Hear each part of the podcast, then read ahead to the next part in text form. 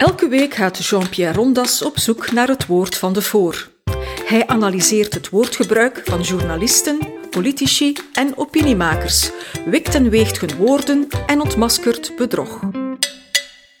Ik zag een havenman het zovers langs de stroot, een zwette reddingot, een lange witte boord, en uit een wandelstok, een zilveren keppie. Ik ken niet sanen noem, ik noem hem Leopold II.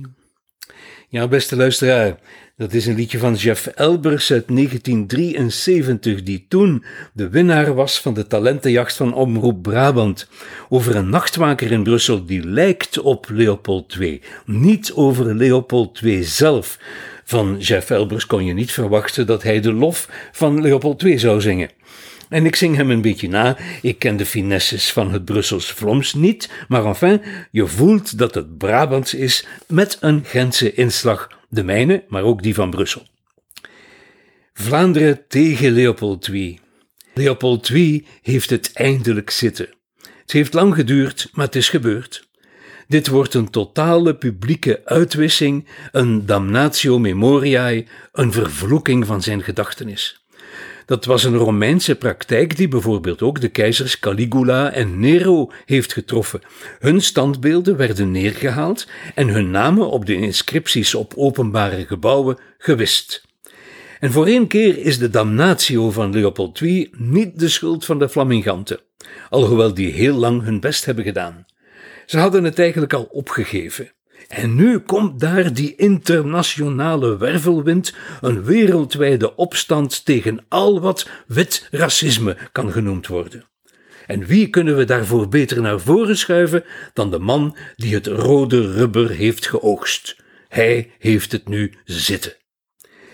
Dubbel zo leuk is natuurlijk dat zijn naam nu in één adem of in één krantenalinea met Vlaamse collaborateurs zoals Cyril Verschaven en Antwerps oorlogsburgemeester Leo Delwijde wordt genoemd, omdat ook hun memorie verdoemd wordt.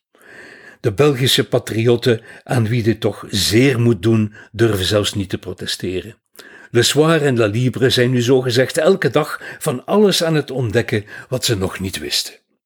Al die bustes en beelden en standbeelden en ruiterbeelden naar de depots. Weg met de Leopold II straten, lanen, tunnels en pleinen. Al die blikken straatnaambordjes op het stort van de geschiedenis. Ik heb zelf nog enkele maanden in een Leopold II straat op Sint-Amansberg gewoond.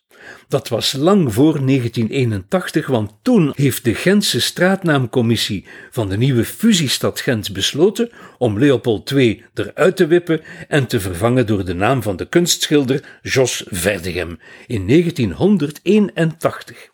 En vorig jaar, nog in 2019, heeft de Gentse gemeenteraad geprobeerd de Leopold II-laan aan te pakken.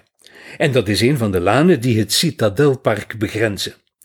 Links, ik bedoel politiek links, probeerde de vervloekte naam te vervangen door de Rosa Parks-laan. Tot iemand opmerkte dat vlak daarbij al een parklaan lag. Beetje verwarrend en er is niks van in huis gekomen. Komt zeker nog aan de orde. Ik las ook in de krant dat een van de Leopoldstraten die op de uitwissingslijst staan in Kortrijk te vinden is. Dat bleek toen de deelgemeente Heulen te zijn. De naam die in de plaats komt is die van Rosa Lapère. En laat die dame nu de organisatrice geweest zijn van de Tineke van Heulenfeesten, die elk jaar een Tineke verkiest. Ik weet dat Tineke van Heulen alles kan. Kan melken, kan mesten, kan schuren gelijk de beste. Maar nu heeft ze het ook gehaald van Leopold II. Ik heb me afgevroegd als ik hem zo zag gaan. Wo hem heine en waar komt hem vandaan? En wo verwandelt om middernacht op stroot? Koning Leopold wie met zijn witte boot. En ik lees verder in mijn ochtendkrant en vrees niet, ik verslik me niet in mijn ochtendkoffie, zoals een echt journalist zou zeggen, maar ik lees dat de standaard titelt We moeten het toch eens hebben over Leopold II. En dat de morgen zich de vraag stelt: waarom nu pas al die aandacht voor Leopold II? En dan denk ik: nu pas? Maar die koning was bij leven al een schandaal.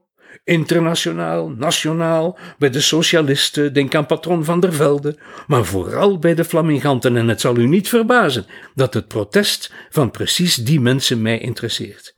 Geloof het of niet, maar ik heb hier op mijn bureau, van waaruit ik u toespreek, een affiche hangen uit het jaar 1884 rond de tijd dat Leopold II op de conferentie van Berlijn carte blanche kreeg voor zijn kroondomein in Afrika. En ik heb de tekst hier maar af te lezen. De Vlamingen aan de negers van den Congo. Zwarte broeders, de grote mogendheden van Europa hebben besloten dat gij voortaan onder den scepter van Leopold II zult leven. Zie hier onder andere wat voor u de gelukkige gevolgen daarvan zullen zijn volgt dan natuurlijk een lange opsomming van alle bestuurlijke en inderdaad koloniale onderdrukkingsverschijnselen waarvoor de Vlaamse beweging 130 jaar nodig heeft gehad om ze uit te wissen over Franstalige wetten, over eentalig Waals bestuur, Franstalige bevelen in het leger, Franstalige rechtspraak, ondermaats onderwijs en financiële uitbuiting. Enfin, alles wat zo'n Vlaamse pamfletschrijver uit ondervinding in 1884 kent en wat in de Congo later ook allemaal zo is uitgekomen. Maar wat die man nog in de verste verte niet kon vermoeden, was dat dit alles gepaard zou gaan met moord en doodslag, brandstichting en brandschatting. Daartoe schoot zijn voorspellingskracht tekort. Ik suggereerde al voorzichtig dat de ontmaskering van de moordende vorst vooral een Vlaamse zaak was. Dat lijkt ook normaal, gezien de vele gelijkenissen tussen een koloniaal regime in een derde wereldland en een regime dat zich in Europa tegen een van de samenstellende etnieën binnen dezelfde staat richt. En Vlaanderen had niet veel op met die kolonie. Met de missies dat wel. Vlaanderen stuurde zijn zonen uit, maar die hadden bijna allemaal een rok aan. Jezuïeten, scheutisten en witte paters, trappisten, norbertijnen, redemptoristen en priesters van het heilig hart. Onder hen waren de mensen te vinden, antropologen en taalkundigen, die uit respect voor Afrika de culturen en de talen van de zwarte stammen grondig hadden bestudeerd en zodoende ook hebben overgeleverd. Maar geef toe, in de mentaliteit van de bevolking was de kolonie een Belgische affaire. Hier komt strofe 3 van Jeff Elbers, zijn lied over Leopold II. En van tijd blijft hem staan en schudt hem met zijn hoofd. Het is precies of hij nog niet geluft, dat dat echt Brussel is, wat dat hem rond hem zeet. Zijn nu gewudderuut en hij te vuil verdreed.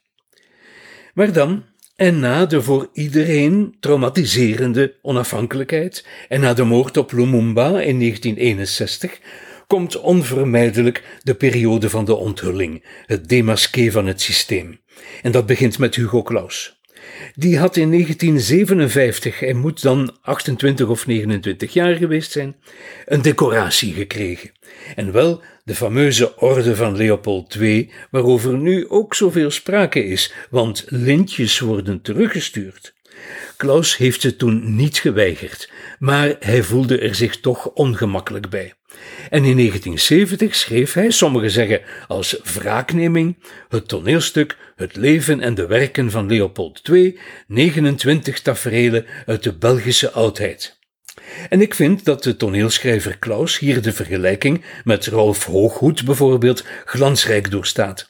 Had men dit stuk goed gelezen en onthouden, had men dit stuk in het onderwijs gebracht, dan had men nu niet moeten klagen over een bevolking die van niets weet en die nu pas enzovoort.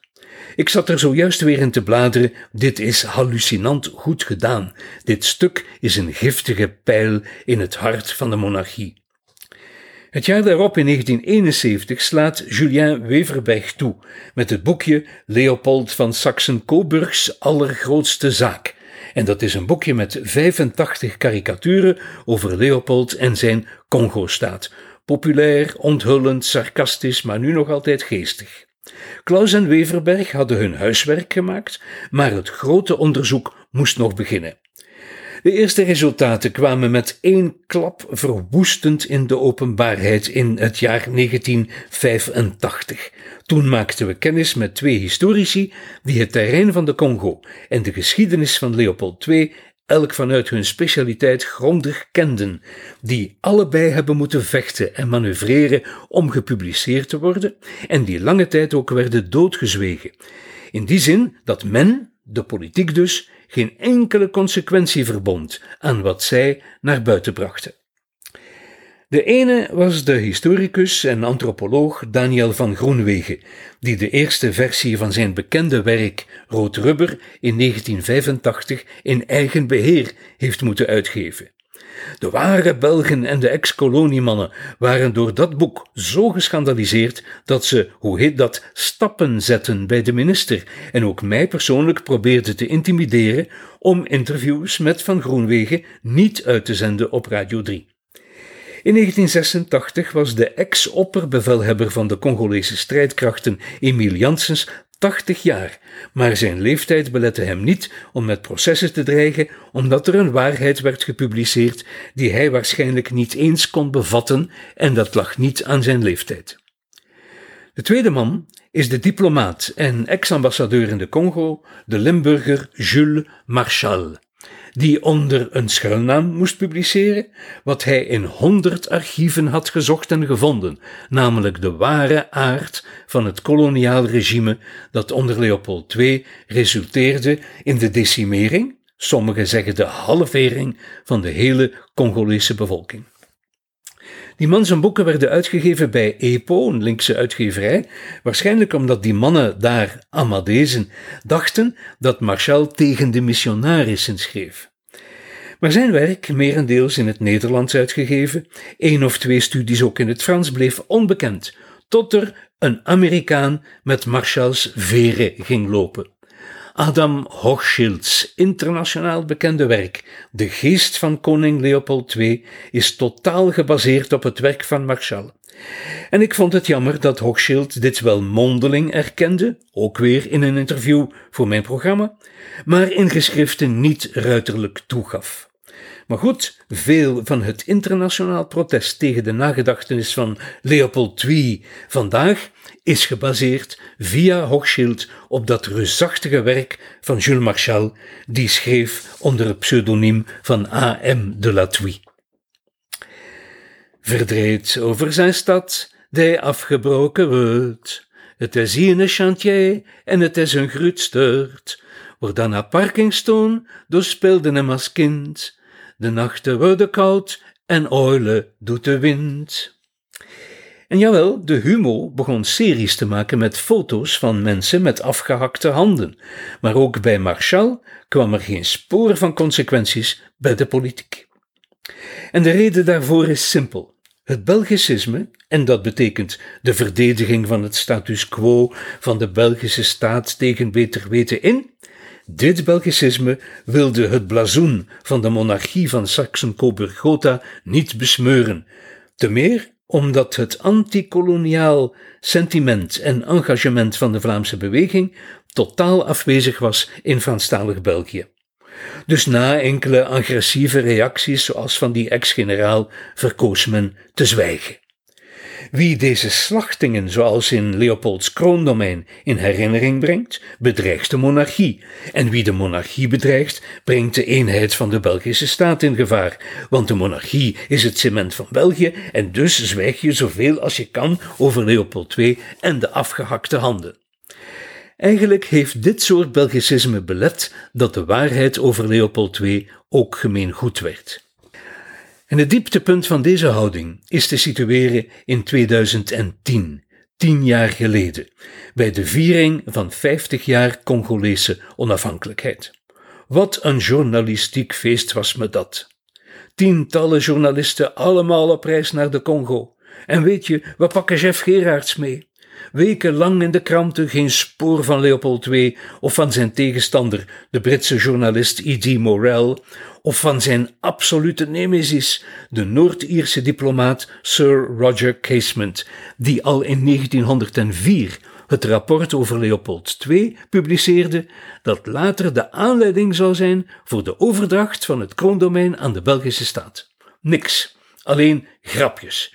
Die Roger Casement, dat was toch maar een hobby van antimonarchistische linkse flaminganten, zoals Willy Courteau of Erik de Voort, die ik natuurlijk in dit verband beide geïnterviewd heb. En eveneens in datzelfde feestjaar, 2010, verschijnt het succesnummer van een nieuw genre in de geschiedschrijving. Maar welk genre, dat blijft onbenoembaar. Namelijk het bekroonde en vlot verkopende Congo een geschiedenis van David van Rijbroek. Ik ben niet de enige die na grondige lectuur zegt dat dit boek, met zijn schandalige relaas over Lumumba, geschreven lijkt om de monarchie van alle kolonialistische blaam te zuiveren. De waarheid over de kolonisatie wordt verdoezeld omwille van de monarchie, het beeld en het symbool van de unitaire staat. In dit boek krijgen Roger Casement en Idi Morel elk één verwijzing op de 680 bladzijden. Deze beide mannen doodzwijgen in een boek dat toch pretendeert de achtergronden van kolonisering en decolonisering te schetsen, dat is geen vergetelheid, maar tendentieuze weglating, lying by omission, een vorm van framing, een soort verzuimleugens. Ik ben aan mijn vijfde strofe toe. Wat dat vooruitgang is, dat kan hem niet verstaan. De goeie joren, die zijn al lang gedaan. En overdag is er te veel lawaai. Alleen de nacht is nog lak in de tijd. Maar ja, wat gaan we nu doen met al die Leopold II standbeelden? Sommigen onder u kennen dat openluchtmuseum in de buurt van Budapest, dacht ik toch, of ergens anders in het Oostblok, vol met afgedankte standbeelden van het communistisch regime. Lenins, Stalins, Sovjethelden van de arbeid en van de kolgozen en Stachanovs, soldaten met de bajonet op het geweer op de nazi's afstormend. Enfin, het hiernamaals van de sante boutique van het communisme. Sommige ook beklad en beschilderd, een bonte stoet van beelden. Denk ook aan die lange onderaardse inkomgang van het huidige Afrika Museum in Tervuren, waar je links het pendant ziet van die communistische beelden, namelijk de foute beelden van het koloniale denken uit het oude Tervuren Museum. Met luipaardmannen en zo. En er hangt dan een kaartje bij dat die luipaardmannen een verzinsel van de witte man zijn. Veruit de interessantste kamer van het hele museum. De directie zal dat wel snel merken. Ik vrees dat deze afdeling geen lang leven beschoren is. Maar dat brengt me toch op een idee. Want nogmaals, waarom moeten wij opdraaien voor de kosten om al die stenen baarden en paarden van Leopold II te stockeren? Die weten zeker niet wat zo'n shoreguard kost. Dat ze hun brol zelf terugnemen, toch? Ze hebben plaats genoeg. Het hele park van Laken rond dat paleis, achter die hekkens waar je één keer per jaar binnen mag om naar de floraliën te gaan kijken. Al die stenen koningen en verstarde vorsten naar dat park. Dat zou een mooie collectie zijn. Geef ze een kleurtje en het wordt een wereldsucces. We hebben weliswaar nauwelijks Boudewijns, omdat een beetje beeldhouwer geen inspiratie ziet in die heilige man. En om een of andere reden zijn er ook weinig Leopold Dries. Maar op de huidige Philippe kan je toch Arne Quinze of Kamagurka loslaten. Hier is nog, om af te sluiten, de slotalinea van mijn affiche uit 1884. Na zijn beklag over het bestuur enzovoort, dat in de Congo hetzelfde zal zijn als in het België van 84, besluit de schrijver. Zwarte broeders, wij benijden uw zwarte kleur.